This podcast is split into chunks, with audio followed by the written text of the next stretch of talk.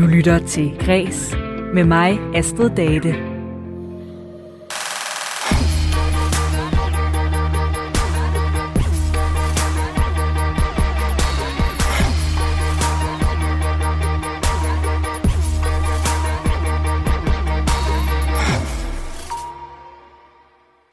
Gennem de otte film, der er lavet om Harry Potter, der er der mange af de samme skuespillere, der er gået igen i dem alle sammen. Og skuespillerne er en vigtig del af filmenes historie, men det er der også andre karakterer, der er. Som dyrene. For eksempel Hagrids hund Trofast, der omvendt er blevet spillet af ni forskellige hunde gennem filmserien. Og i dag i Kreds, der er det dem, vi zoomer ind på. Altså dyrene. Og deres rolle som skuespillere på teater og i film. Jeg skal blandt andet snakke med en øh, hestetræner, der har gjort seks Shetlandsponyer klar til det kongelige teaters opsætning af Hobbiten. Og vi bliver også i debatten om musikskolernes økonomi. Forslaget fra Statens Kunstfond om en ny fordeling af pengene til dem får nemlig flere kritiske røster. Og så skal vi forbi en af vores kulturagenter, Kreds har rundt omkring i hele landet, som øh, anmelder lokale kulturoplevelser. Og både skiundertøj og vinterjakke måtte frem, inden denne uges kulturagent skulle afsted. Mit navn er Astrid Date. Velkommen til Kreds.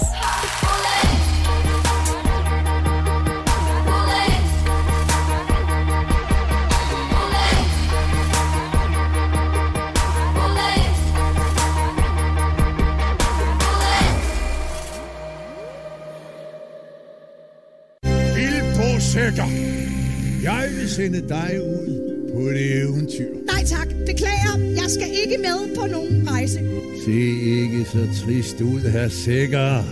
Verden har mere at tilbyde dig end tingselskaber.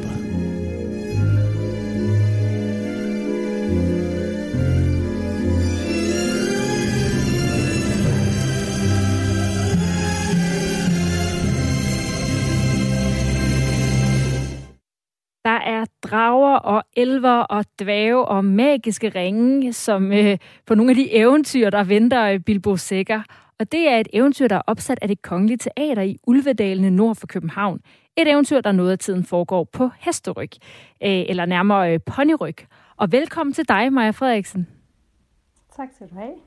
Du er ejer og stifter af Frederiksens, Frederiksens Isheste, hvor du arbejder med øh, hestetræning og rideterapi. Og så har du stået for at træne de seks Shetlandsponier, der er en del af truppen, der her til sommer opfører den øh, magiske historie Hobbiten om Bilbo Sækker og eventyret om ringen. Hvad er det, øh, poniernes rolle er i stykket? Jamen, øh, de her seks Shetlandsponiers øh, rolle, det er jo primært at, øh, at være transport øh, for, øh, for dværgene, for, øh, for Thorin og Balin og Bombur og Kili og Fili. Øhm, og så er de, øh, har vi også en pony, som er Bilbo Sækkers øh, pony. Og de her øh, seks, de rejser jo afsted sammen for at, øh, for at, at redde øh, dværgenes øh, hjem, for at, at, at få, dem, få dem ført hjem sammen med troldmanden. Og de skal jo igennem en masse frygtelige ting på deres rejse. Øhm, så det er, det er ponyerne, der ligesom skal transportere øh, dværgene og Bilbo igennem den her rejse. Der ligger jo meget træning bag øh, teaterstykket for skuespillerne. Flere måneder med øvelser, før man er klar til den helt store premiere. Hvad er det for et arbejde, der ligger forud for en øh, Shetlandspony for at være klar til at træde på scenen? Jamen altså, øh, først og fremmest så, så ligger der det i arbejde i det, at vi faktisk beder de her ponyer om at gøre noget, der er fuldstændig modsat af, hvad deres natur vil gøre. Vi beder dem om at gå ind i noget, der for ponyen virker farligt. Øh, noget, der larmer, der er, øh, der er ulve, og der er, der er bjerguhyre, der er alle mulige vilde ting på spil, som, som vil gøre, at øh, ponyens naturlige instinkt vil sige, løb din vej. Øh, det vi egentlig øh, beder ponyen om, det er, at vi siger, kom, nu skal du gå med os ind i det her fuldstændig sindssyge kaos.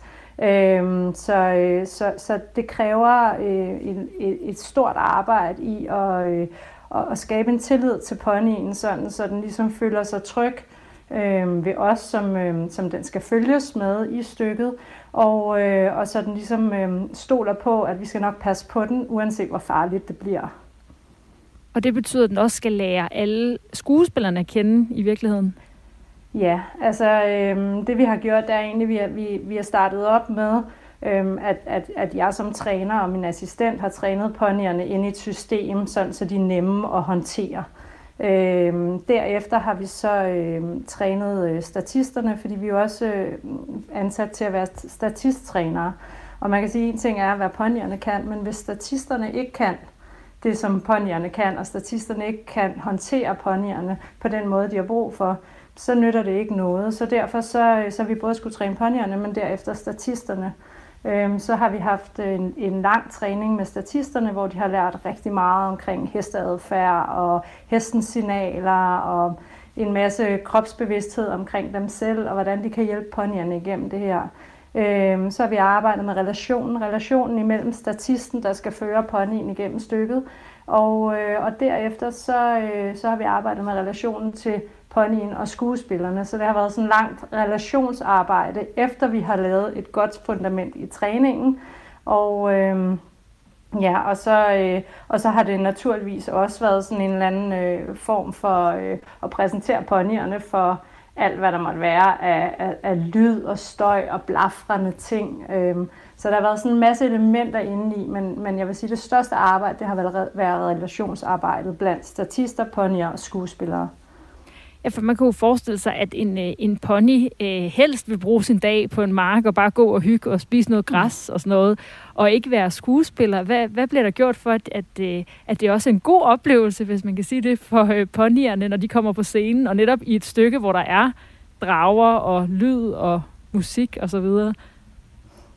Ja, altså det er sådan, at, øh, at, at, at heste, ponyer, øh, de, de, de mærker de følelser, som de er inde i. Så det vil sige, hvis de kan mærke, at, at statisterne eller skuespillerne er enormt stressede eller bange, eller hvad det måtte være, så vil det være den følelse, ponyerne de reagerer på. Så det er noget af det, vi sådan ligesom har trænet, øh, særligt med statisterne, at, at, øh, at de skaber en ro inde i dem, sådan så ponyerne kan læne sig op af deres nervesystem og deres ro. Så uanset hvor kaotisk det hele måtte virke, så kan ponyen ligesom finde ro hos statisten. Og når de ligesom øh, finder den her ro, så er Shetlandsponyer, de er jo kendt for at være enormt modige og ret intelligente, og de synes det faktisk er, er sjovt at, at lege og, og arbejde, og de er, de er hårdføre. De har et super godt temperament, og så kan de rigtig godt lide opmærksomhed faktisk.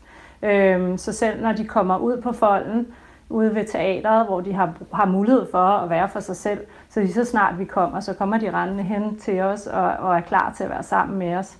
Øhm, så, vi, så, så jeg tror på, at det med, at vi skaber et rum, hvor de føler sig trygge og glade og, og elsket øh, og taget sig af, så, øh, så, så kan de faktisk rigtig godt lide at være med. Og lige at være et, øh, et scenedyr. Mm, ja. Og ja, skal de også øh, sådan pyntes? Jeg øh, så en udstilling i London om de her Harry Potter-film, hvor der også var et helt hjørne om øh, dyrene, som er med i filmen, hvor at... Øh, Hermione's kat skævben, den får sådan nogle klemmer i, i pelsen for at få ekstra hår, så den bliver sådan ekstra pjusket. Skal de også have sådan noget, sådan noget pynt på jeres heste? Mm. Altså, det man kan sige er jo, at de skal gerne ses ligne sådan nogle øh, små naturlige øh, pak-transportdyr. Og det gør Shetlandsponyer nu simpelthen så fint i sig selv. Øh, jeg har været opmærksom på at udvælge nogen, som har meget hård og som, øh, som er små og tætte og robuste. Øh, så, så det har jeg selvfølgelig kigget på, når jeg har udvalgt ponyerne til det her. Men, øh, men derudover så er de ikke pyntet. Øh, vi har prøvet at, at gøre det så, så råt som muligt, så det vil også sige, at øh, i stedet for et øh, lyseblå, øh, lyserødt øh, sadelunderlag med en masse øh, bling-bling på, så har de et, øh, et lammeskin som underlag under sadlen for eksempel, fordi, for det ser, ser sådan naturtro ud i forhold til den her historie med de her bjerge, eller de her dvæve, der rejser igennem bjergene. Så der er ikke så meget pynt på ponyerne. Der ligger til gengæld mange timer bag det her arbejde med først at træne ponyerne, så træne ponyerne og statisterne. Og man kunne tænke, det havde været lettere bare at bruge øh, nogle rekvisitter, øh, som øh, selvfølgelig ikke er lige så øh, flotte og levende. Men hvad giver det øh, en opsætning som Hobbiten at have levende ponyer på scenen? Altså det man kan sige er, at generelt for ulvedalene, så, øh, så har man jo her, fordi man er ude i naturen og har den her smukke scene med, med bakker og træer og, og alt, hvad der hører til ude i, i, en, i en smuk, smuk skov. Øhm, og der, øh, og der bliver det bare så naturtro, at der også er levende dyr med i stykket. Det giver sådan en eller anden form for virkelighed. Øhm, og, øh, og så er der jo også altså sådan en cute-faktor i, at der er øh, panier og det her storslået med smukke store heste til stuntrytteren. Og, altså det, det er noget, som man ikke lige kan tage med ind øh, i, ved Kongens Nytorv på det gamle scene. Øh, men det er noget, som man kan bruge herude i naturen, og det er jo det, der er så fantastisk, at te- teateret faktisk benytter sig så af at, at bruge de her ting, som man ikke kan bruge normalt inde i en teatersal. Og som en, der er træner ja, ja heste i, øh, til roller i, i, hvad hedder det, i det her teaterstykke, lægger du så også mærke til hestes roller i film og andre ting, hvor de bliver øh, brugt som skuespillere? ja, det gør jeg. Øhm, jo, altså jeg kan jo ikke lade være med at, at se hestefilm. Øhm, og, øh, og noget af det faktisk, som jeg rigtig godt kan lide i det her stykke, øh, sådan modsat andre hestefilm, jeg tit har set, det er, at hestene, de får lov at være heste. Øh, de bliver ikke personligt gjort, eller altså, de har en, ikke en eller anden øh, rolle, som i virkeligheden slet ikke ligger til en hest. De har sådan en fuldstændig øh, naturlig måde at indgå i det her øh, stykke ude i dyrehaven, som, øh, som jeg synes er fantastisk, fordi vi ikke pålægger dem at have en masse personlige karakterer eller noget, der er unaturligt for dem. De får lov til bare at være det, de er. Fantastiske ponyer og heste. Og I havde premiere i sidste uge. Gik øh, alt, som det skulle? Der var ikke nogen øh, hvad hedder sådan noget, forskrækkede heste på scenen? Nej, altså øh, man kan jo sige, at det er jo der, man ligesom øh, finder ud af, øh, om, man har, øh, om man har gjort det godt nok og været, været omhyggelig nok. Og jeg, og jeg synes, at øh, ponyer og statister og alt, altså det gik, det gik over al forventning. De var, de var så dygtige, og, og ponyerne var så modige, og det var simpelthen så skægt, fordi til premieren, der, øh, der noget af det, vi jo ikke havde kunne øve, det var den her øh, applaus for næsten 3.000 mennesker. Øh, og, øh, og der, øh, da vi kom ind til applaus, der kunne man sådan mærke, og det har sikkert også været, altså ponyerne har kunne mærke, at statisterne har syntes, at det har jo været super fedt at, at blive anerkendt for, at de har gjort det så godt, og folk de, de klapper og er begejstrede, og det var som om man kunne mærke på ponyerne, at de ligesom sådan, de sugede den her følelse af begejstring til sig, så jeg kunne se sådan en fuldstændig anderledes måde, at de sådan ligesom løb ud af, af applausen på, hvor de sådan ligesom, de så sådan næsten stolte og glade og med lidt løftet hoved og, og der var ingen ponyer, der ligesom øh, virkede nervøse eller, eller noget som helst. Altså, det, var sådan, det var faktisk super fint at se. Det var, sådan, det var faktisk til premieren, at det sådan for første gang, hvor jeg tænkte, okay, nu bliver det fedt, nu kører det, nu er vi inde i en rutine, og ponyerne begynder også at synes, det her det er rigtig sjovt. Jamen, tillykke med det så, og øh, tusind tak, fordi at, øh, du var med her og fortalte mig, Frederiksen. Jamen, tak skal du have. Tak for invitationen. Som altså er hestetræneren, der stå, har stået for at klargøre de seks Shetlandsponier til Hubitten. Og Hubitten, det spiller til og med den 3. juli i Ulvedalene nord for øh, København. Og hver aften der er der altså plads til mere end 2.000 publikum, hvilket gør det til Nordeuropas største teatershow. Og udover de seks ponyer, så er der også én hest med, og det er den, som øh, Gandalf rider på.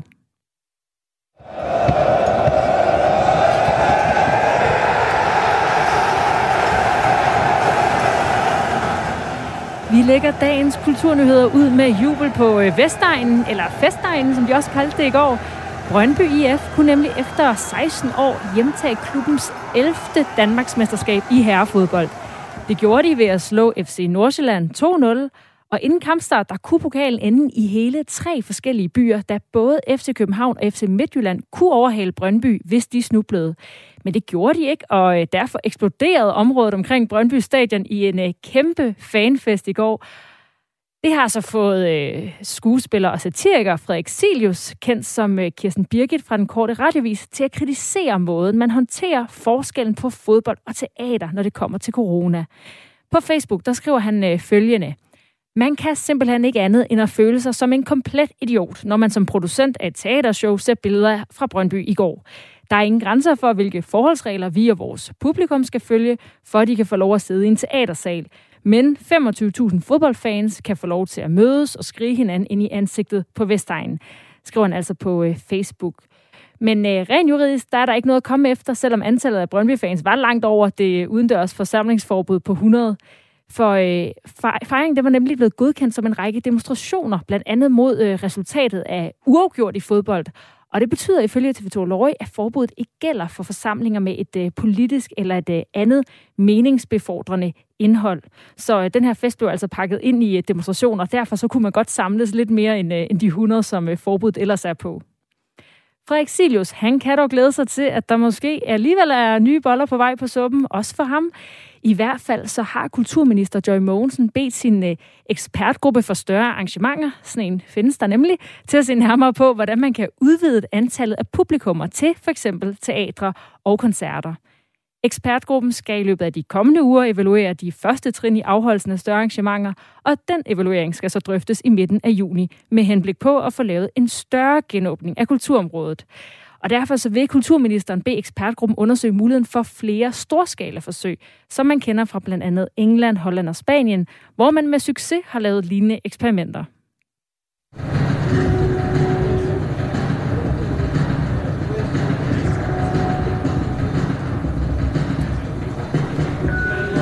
Sådan her lyder en øh, kunstinstallation i øh, Haslev. Byen øh, på Sydsjælland fejrer nemlig i efteråret 150 år som øh, stationsby. Og det markerede man med øh, den her kunstinstallation med øh, 150 jernbanesvælder. Det er de der lægter, der er på tværs af skinnerne, som prøvede øh, jernbanegade i byen i 10 dage. Og hver svælde fortalte sin egen lille historie om byen, og hver aften kl. 20 lyste det op med både musik og lys. Og kunstinstallationen, den kostede en halv million kroner, og var så populær, at borgerne i Haslev nu gerne vil have den op igen. Men en genopsætning koster 100.000 kroner, og øh, det vil øh, Plan- og Kulturvalget i øh, Faxe Kommune altså ikke, det fortæller de til TV2 Øst. For de penge, det mener udvalgsformand René Tukær og resten af udvalget, at det kan bruges på noget andet i stedet for. Du lytter til Græs med mig, Astrid Date. I sidste uge talte vi her på Kreds en del om øh, den nye aftale for MGK, et uh, treårigt talentkursus i musik, som tilbydes på en række musikskoler. Der er nemlig lavet en, øh, eller et forslag til en ny aftale fra Statens Kunstfond, som gælder fordelingen af de knap 42 millioner støttekroner, som øh, musikskolerne får. Og uenigheden, der blandt andet har kørt på det digitale nyhedsmedie Kulturmonitor, det handler om, at både politikere og musikfolk i landets yderområder mener, at den nye aftale i praksis dræner området for talenter ved at skære 30% væk af de pladser, som musikskolerne kan tilbyde. Og i sidste uge, der havde vi formand for Statens Kunstfond, han hedder Michael Bøjesen, med til at forsvare aftalen. Og nu kan jeg så sige hej øh, til dig, Rikke Ram Eberlin, administrativ chef for den jyske sangskole, der ligger i Herning. Velkommen til Kreds. Tak skal du have. Du har skrevet et det modsvar til Michael Bøjsen, hvor du øh, udfordrer den her nye aftales konklusioner. Og i det indlæg, der beskylder du øh, udvalget for privilegieblindhed. Hvad er det, du mener med det? Jeg mener med det, at øh, hvis de øh, regner med at ikke lytte til alle de indvendinger, der har været i den her høringsfase, og de fastholder, at det her det sådan set vil være til gavn for musikmiljøet i Danmark, og at det ikke være at der ikke vil komme en, en skævhed og en ubalance i Danmark, så er det fordi, at de, de simpelthen ikke har forstået og erkendt, hvad det er, den her øh, omfordeling den vil gøre ved netop de talentmiljøer, der er ude i provinsen. Og du er jo øh, administrativ chef for den jyske sangskole i Herning. Hvad er det, din aktie er i det her i forhold til at gå op i øh, MGK-skolerne? Min aktie er, at øh, vi som kulturinstitution, vi er blandt andet grundlagt ud med den øh, indstilling til, at vi tror på, at talent findes overalt, men vi er også meget bevidste om, at det kræver en ekstraordinær indsats at skabe et miljø for at finde de her talenter. Øhm, vi har siden 2010 været en decentral afdeling af MGK MidtVest, og alene det har været med til at føre, at det har været med til at stabilisere og simpelthen hæve niveauet, øh, både hos vores miljø, det gør det mere attraktivt, men også at det faktisk skaffer talenter, der bliver en del af MGK, og som så også søger videre ind på konservatorierne.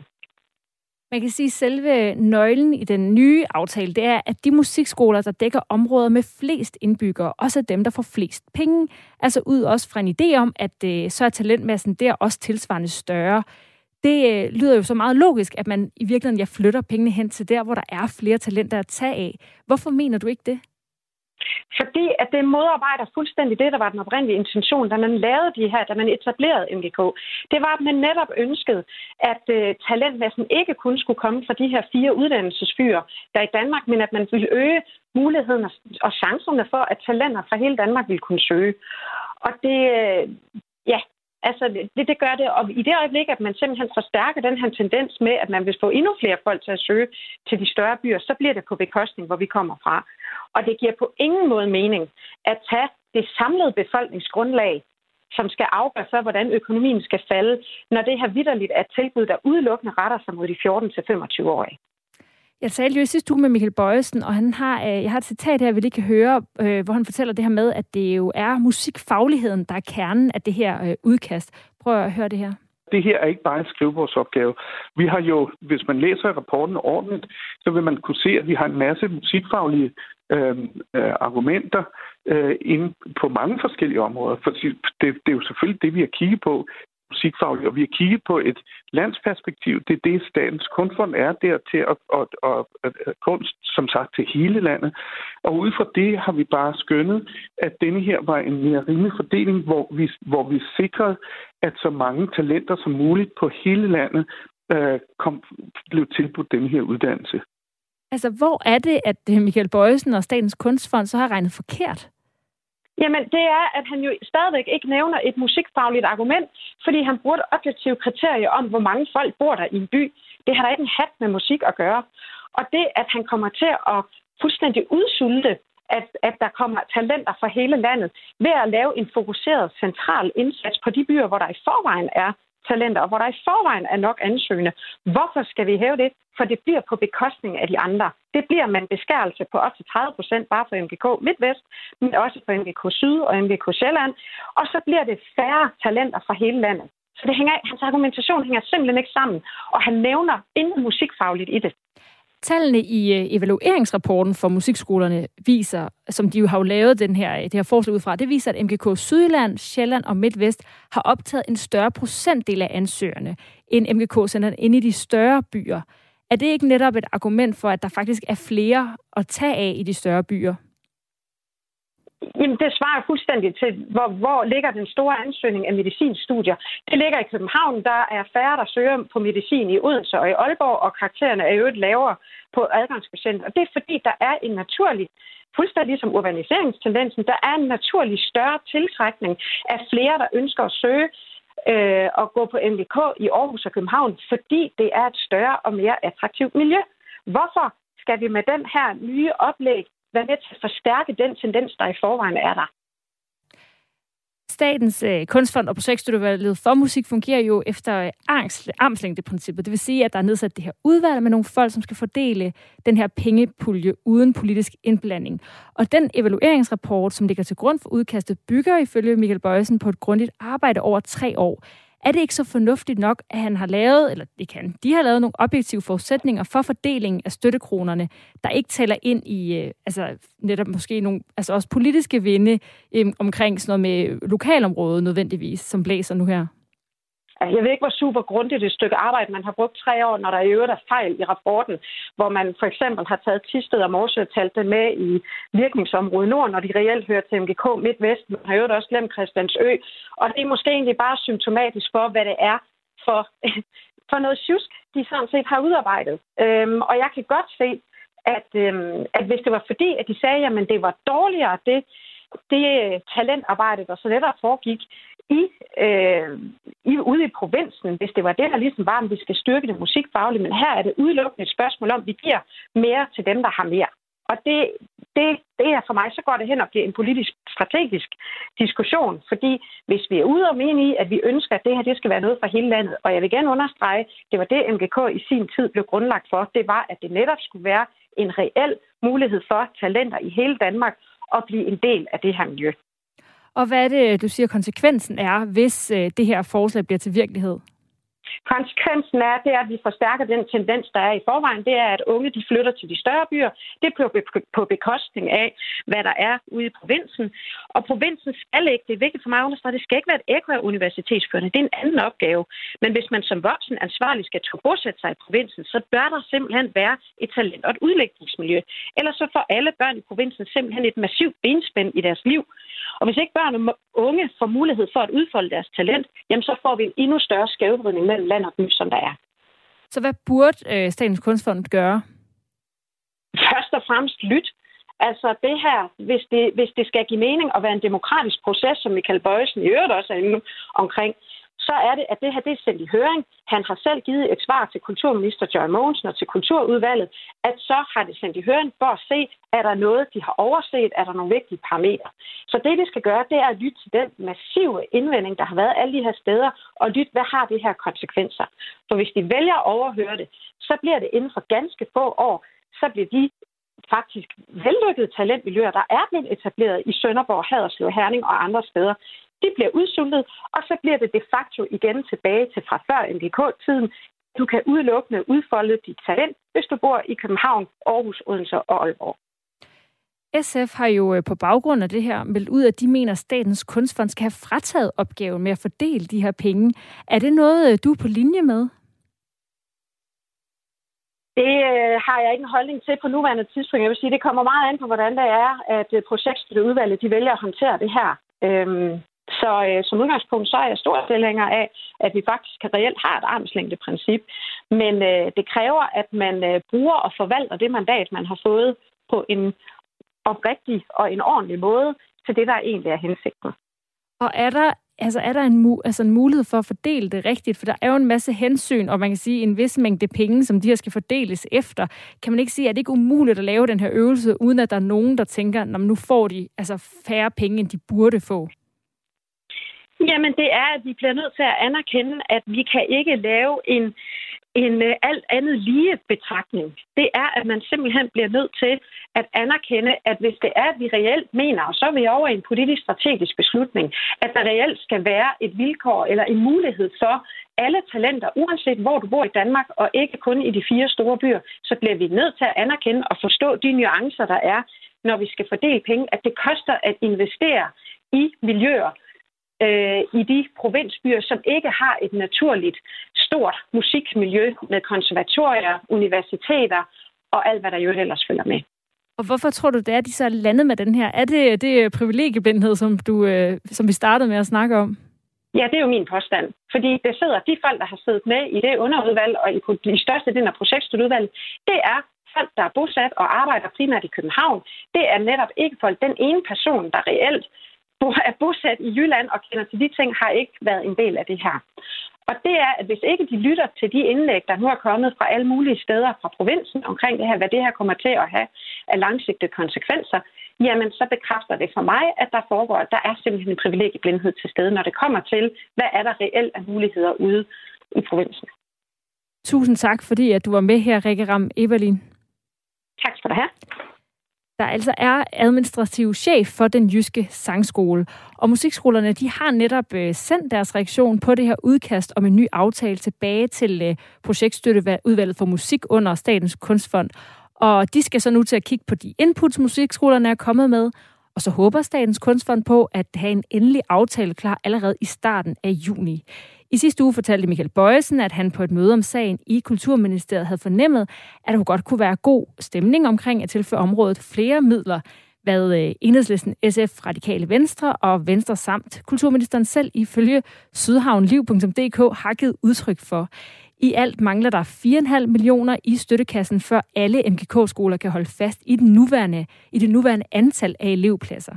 Og den nye aftale den skal altså gælde fra 1. januar 2022 og fire år frem. Du lytter til Græs med mig, Astrid Date.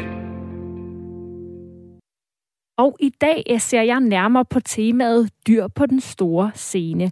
Og øh, det er svært at komme uden om øh, det her dyr.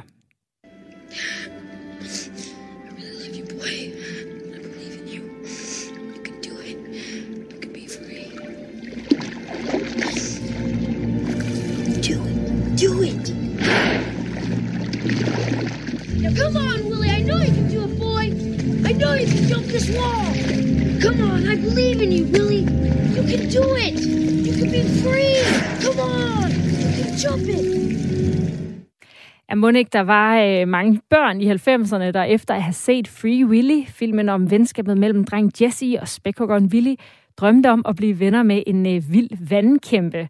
Free Willy er bare et eksempel på øh, spillefilm, hvor dyr har taget os med storm i både større og mindre roller.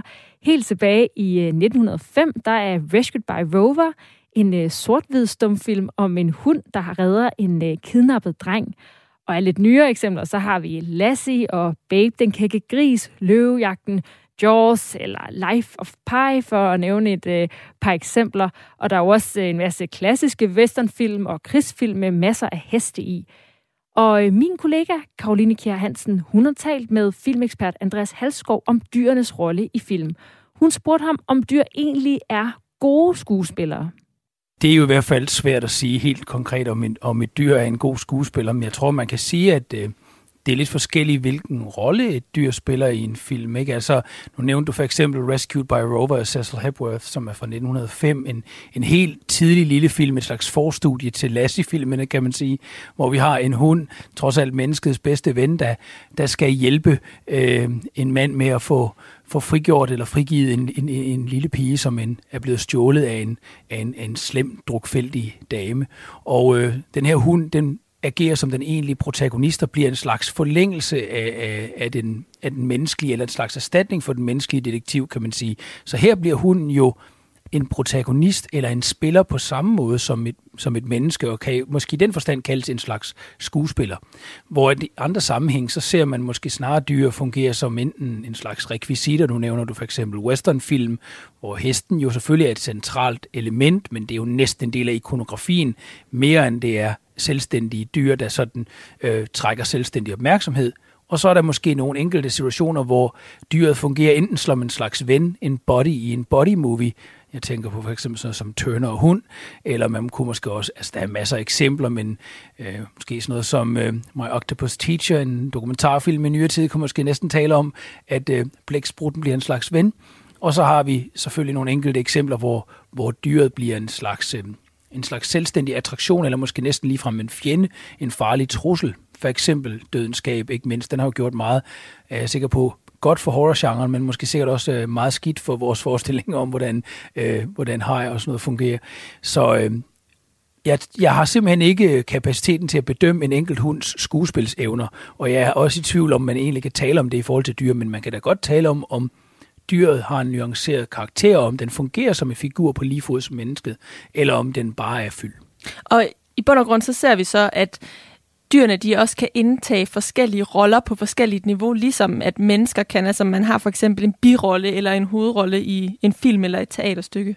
Ja, ja lige netop. Og altså for eksempel, altså for eksempel netop det her med, at vi, vi, vi har jo bodymovien som en helt almindelig klassisk øh, genre efterhånden, hvor man i stedet for en protagonist har to protagonister, og der vil det jo typisk være sådan, det typiske møde, det er jo sådan en eller anden, måske en afdanket ældre person, der, der stadigvæk accepterer at arbejde på arbejdspladsen på en eller anden konkret sag, hvis den yngre opkomling hjælper til eller et eller andet. Og i nogle film, der er det jo lige før, at det er dyret, der indtager den ene af de to roller. For eksempel i Turner and Hooch. Der er, det, der er hunden jo øh, en ven, en body, et, et, et sidekick, om man vil. Og så er der i andre sammenhæng netop, hvor, hvor dyret er det egentlige omdrejningspunkt. Ikke? Altså, for eksempel, som du nævner, Babe, den kække gris, øh, og hvor man jo nogle gange, så kan man sige, nu synes jeg jo, at den faktisk er, er fin nok, den film. Øh, den, det er en finurlig sag. Øh, men i nogle af dem, der kan man sige, der, der, der sker der det, at dyret jo næsten bliver antropomorfiseret, næsten bliver gjort til et menneske, øh, en får tilføjet menneskelig stemme via øh, ADR, eller Advanced Dialogue Replacement, eller sådan noget, den dur, ikke? Øh, og måske bliver gjort til et slags mini-menneske. Sådan så øh, måske kan man sige, dyret kan være, især hvis det er fremmedartet, fascinerende, en attraktion i sig selv. Øh, det kan også være farligt og lidt uhyggeligt, øh, men dyret kan også være, øh, være sødt, og der kan man trække på nogle karakteristika, nogle kulturelt betingede forestillinger, vi har om dyrene. Øh, for eksempel, at hunden er lojal, at hunden er sød, at hunden er menneskets bedste ven, eller at ulen er klog, eller sådan noget den dur. Øh, og så koble nogle menneskelige træk ind over. Så vi ser simpelthen, at bestemte dyr får bestemte roller, fordi de ser ud på en bestemt måde, og vi har en forudbestemt forståelse af, hvad de kan og, og må. Ja, ja, det tænker jeg da. Altså man siger, man kan jo måske... Øh, det vil nok være urimeligt at sige, at slangen er et slæsk eller uh, treacherous dyr. Slangen er jo et rovdyr, ligesom ulen i øvrigt. Men vi forbinder kulturelt de to dyr med nogle ganske forskellige ting. Og det kan jo så betyde noget i forhold til, hvilken rolle de spiller.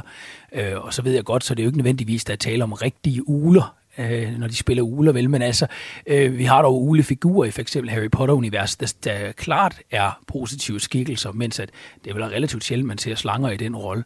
Hvorimod sådan en som løven, der jo klart er et farligt rovdyr også, øh, har det der majestatiske, vi forbinder med den, der gør, at den, den er andet end et rovdyr, og netop også indimellem kan fungere som en egentlig protagonist, som i for eksempel øh, Lion King, selvfølgelig den her nye live-action-film. Jeg er med på, at, at her er vi så ude i i, i et, selvom det er live action, så er vi jo selvfølgelig ude i noget, der i vid udstrækning er animeret faktisk. Nu taler vi om en lang række af film, som også strækker sig over en årrække. Altså, der er blandt andet Løvejagten fra 1907, eller Rescued by Rover fra 1905, men vi taler også om Life of Pi fra, fra 2010'erne, eller Free Willy fra 90'erne. Dyr optræder til synlædende i film over lang tid. Hvorfor er dyr så populære på film overhovedet? Øh, jeg tror, der kan være flere ting i det. Altså, øh, jeg tror, der kan være nogle dyr, som er fascinerende for os at se på, fordi vi i den virk... Altså, måske har vi altid som mennesker... Jeg skal ikke gøre mig klog på den menneskelige hjerne i øvrigt, men jeg kunne godt forestille mig, at vi som mennesker grundlæggende er fascineret af tanken om at have en forbindelse med dele af det naturlige liv og andre væsener tanke om, at man kunne skabe en connection med nogen, øh, som tilhører en anden race, et andet, øh, et andet del af dyrelivet, end mennesket er. Det tror jeg, vi altid har haft, og på den måde, så kan de dyr, vi ikke har en naturlig kontakt til så hyppigt, måske næsten fungere som både øh, uhyggelige og fascinerende fremmedartede skikkelser. Tanken om, at man, som i Grizzly Man, dokumentarfilmen af Werner Herzog, tanken om, at man kunne gøre ligesom Timothy Treadwell og faktisk skabe en primordial connection med en bjørn, en farlig bjørn. Det er fascinerende og, fra, øh, og fremmedartet og også selvfølgelig lidt frygtindgydende, og man tænker på en og samme tid, hvor man tænker, ej, han er da gal ham der, øh, Timothy Treadwell, det er jo helt skørt, det han laver så, man, så tror jeg, at det filmen i hvert fald spiller på, at det også er et element af fascination i det. Tanken om, at måske er de fleste af os alligevel en lille smule fascineret af, kunne man faktisk skabe en forbindelse med en bjørn. Det viser sig jo så, det kan han ikke, og han ender med at blive et. Øh, ja, eller så magten kan man måske ja. også drømme om. ja, lige netop. Ja, fordi er et element af også at kunne bemægtige sig det her farlige dyr, men i sidste ende er det er jo et rovdyr, så når de så mangler laks, jamen så spiser de ham og hans kæreste. Det er jo faktisk, hvad der sker i den dokumentarfilm. Øh, dækslet er så for kamera, så det er kun lyden, der optræder, ikke også? Øh, og vi hører den ikke engang. Det bliver hørt med høretelefoner på, men stadigvæk, øh, det, det spiller på fascinationen af det fremadrettede dyr, man jo de fleste af os hvis vi overhovedet ser dem, kun ser i fangenskab. Ikke?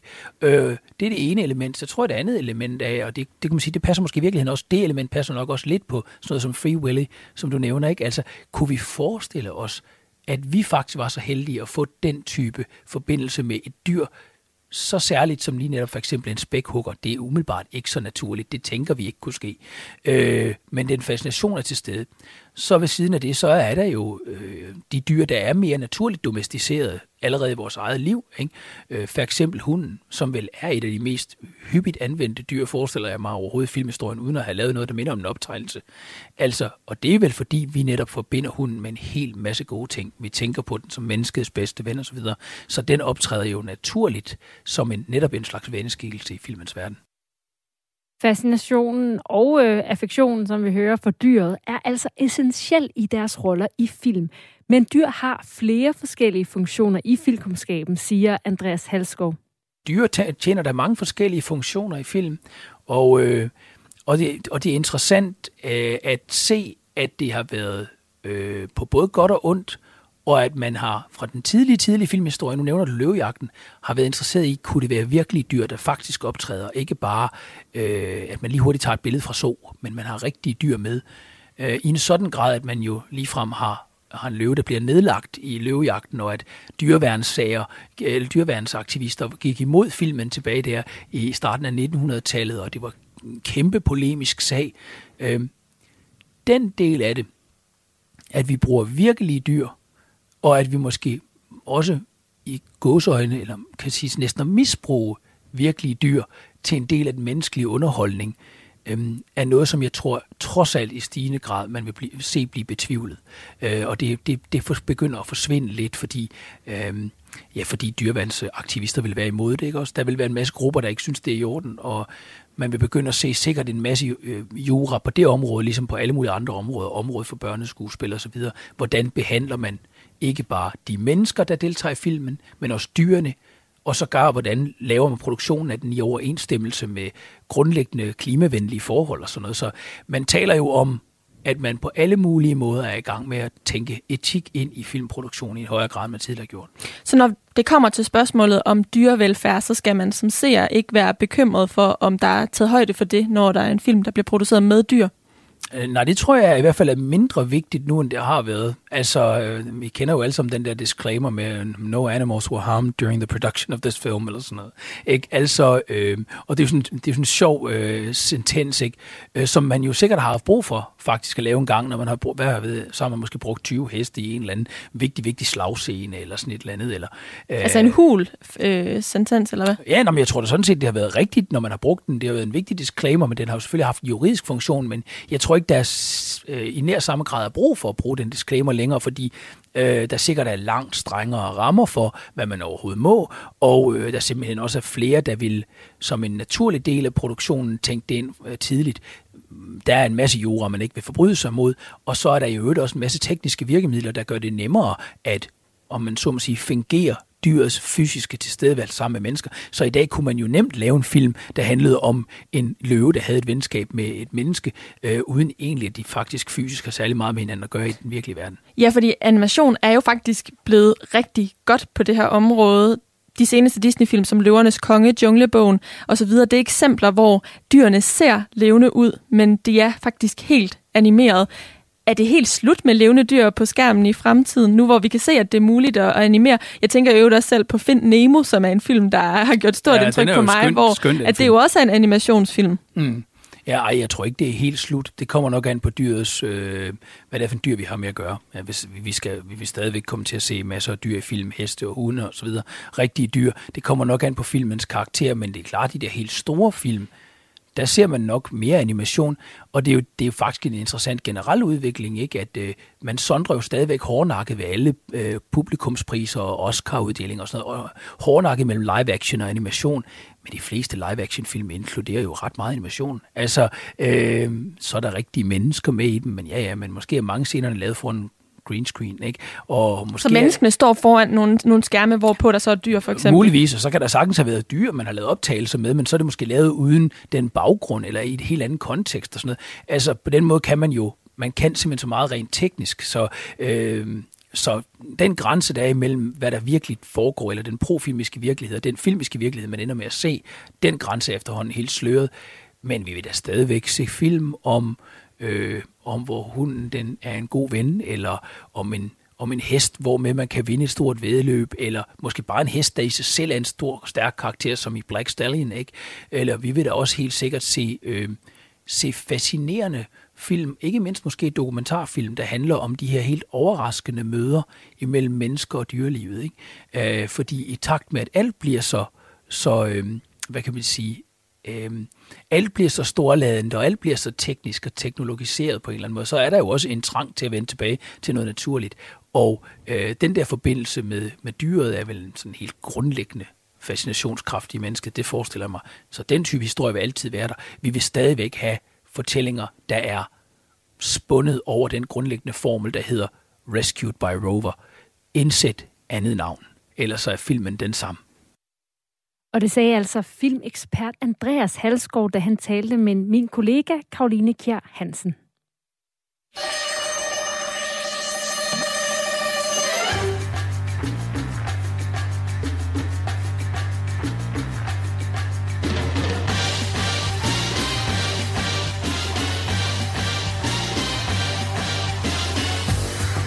Her på Græs, der har vi samlet et øh, stærkt hold af kulturagenter – syv forskellige danskere, der bor fordelt rundt i hele landet, og øh, de vil anmelde kulturoplevelser fra de steder, de bor. Det er sådan en øh, lokal guide, der øh, præsenterer dig for nogle af de oplevelser, som du måske ikke ville have opdaget af dig selv. Og i dagens udgave, der tager vi et smut til Sydjylland og øh, siger hej til vores kulturagent på de kanter. Og det er dig, Bente Kvistgaard Andersen. Velkommen til Kreds. Mange tak skal du have. Du har været inde og se øh, Kolding Egnsteaters opsætning af Erner i krig. En historie, der nu har gennemgået tre versioneringer, først som bog, så som film med Trine Dyrholm, og nu altså et øh, teaterstykke i øvrigt med en anden Trine, nemlig Trine Pallesen.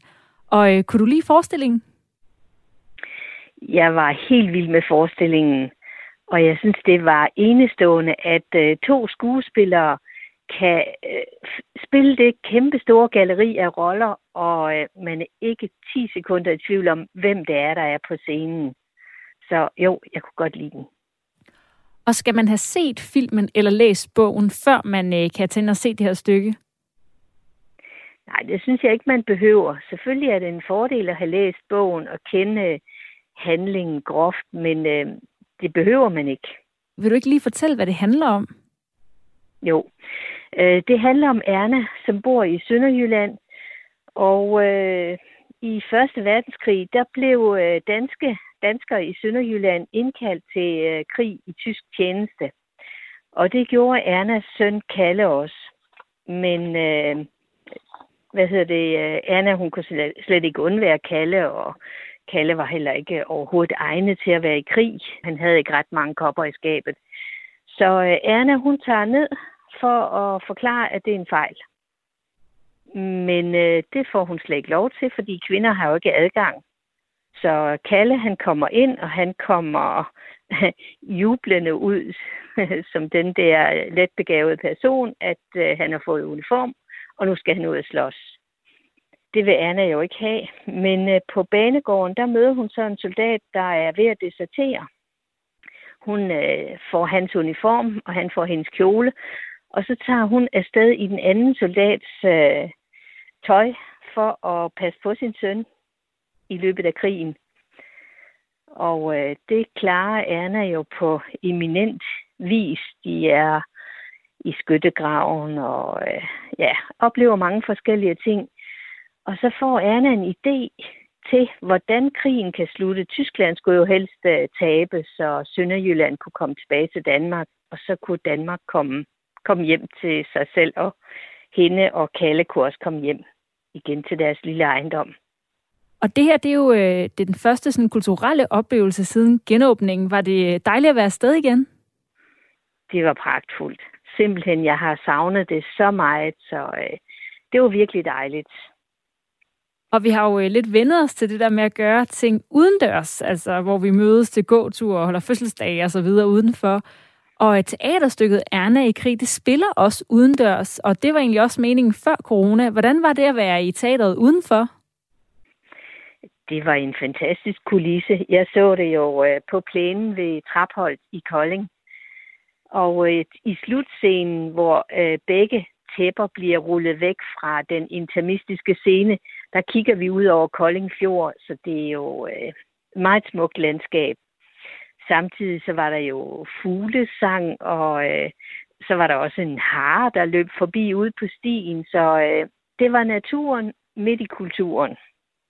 Og stykket har to skuespillere, Trine Pallesen og Morten Kjær, og, det er lidt flere, og der er jo lidt flere personer med, som du også sagde øh, før, mere end, øh, end bare to. Hvordan håndterede de det?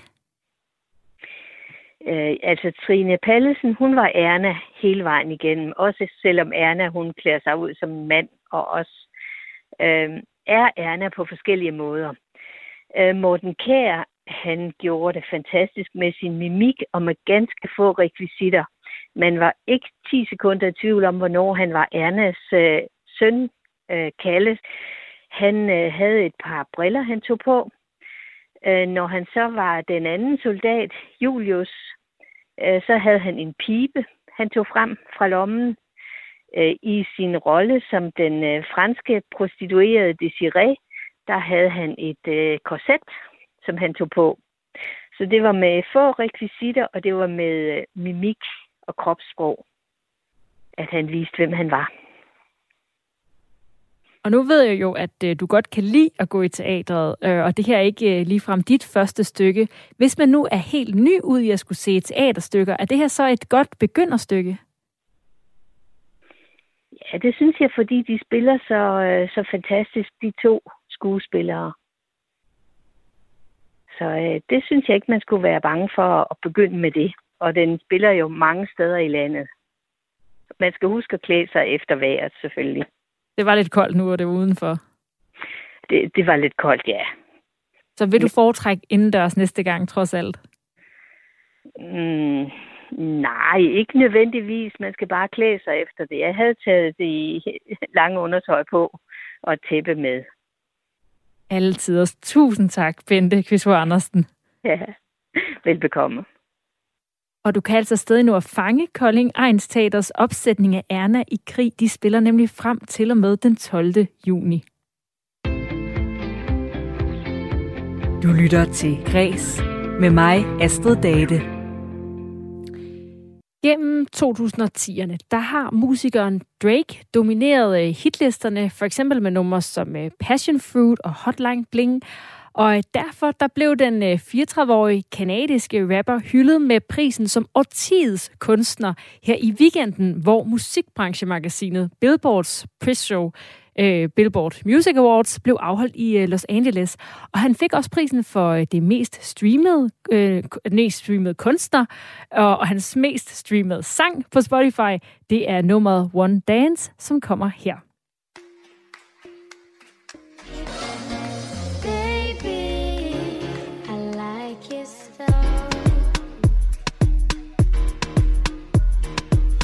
On your ways, front way, back way. You know that I don't play.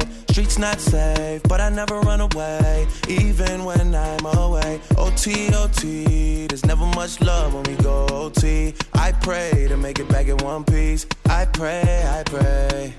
That's why I need a one dance. Got a Hennessy in my hand. One more time before I go. Higher powers taking a hold on me. I need a one dance. A in my hand. One more time before I go. Higher powers taking a hold on me. Baby, I like so. Strength and guidance. All that I'm wishing for my friends. Nobody makes it from my ends. I had to bust up the silence. You know you gotta stick by me. Soon as you see the text, reply me. I don't wanna spend time fighting. We got no time, and that's why I need a one dance. Got a Hennessy in my hand. One more time before I go. Higher powers taking a hold on me. I need a one dance. Got a Hennessy in my hand. One more time before I go. Higher powers taking a hold on me.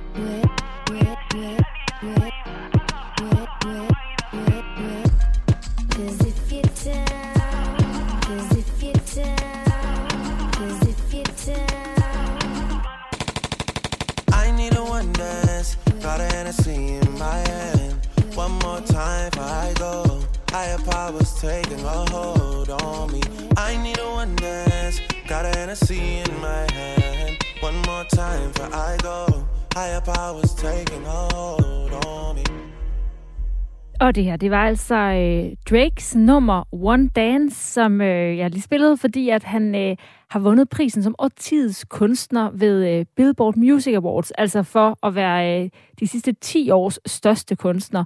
Og det øh, krævede selvfølgelig en, øh, en stor fejring, og øh, det gjorde han også i stor stil. Han lejede nemlig et øh, helt stadion for at drikke champagne og feste med sin nærmeste. Det skriver Soundvenue. Og øh, det stadion, det er Sophie Stadion i øh, Inglewood i Kalifornien, og det er stort. Der har jeg selv været. Det er nemlig også øh, hjemmebane for to NFL-hold, Los Angeles Rams og Los Angeles Chargers. Og der, der kan der være 70.000 mennesker på tribunerne, men Drake og hans venner, de sad, de sad nede på græsset foran og, og hyggede sig. Så der var, der var rigtig, rigtig, rigtig god plads. Også hvis man ser på hans Instagram-billeder. Altså der kan jeg sådan lige tælle, hvad, 15, 15 gutter, der, øh, der hænger ud øh, på det stadion. Og øh, med det, så var det altså alt, hvad jeg havde for øh, kreds til jer i dag på Radio 4. Programmet kom i hus med hjælp fra Isa Samuelsen, Lene Grønborg, Karoline Kjær Hansen og Mathias Wissing.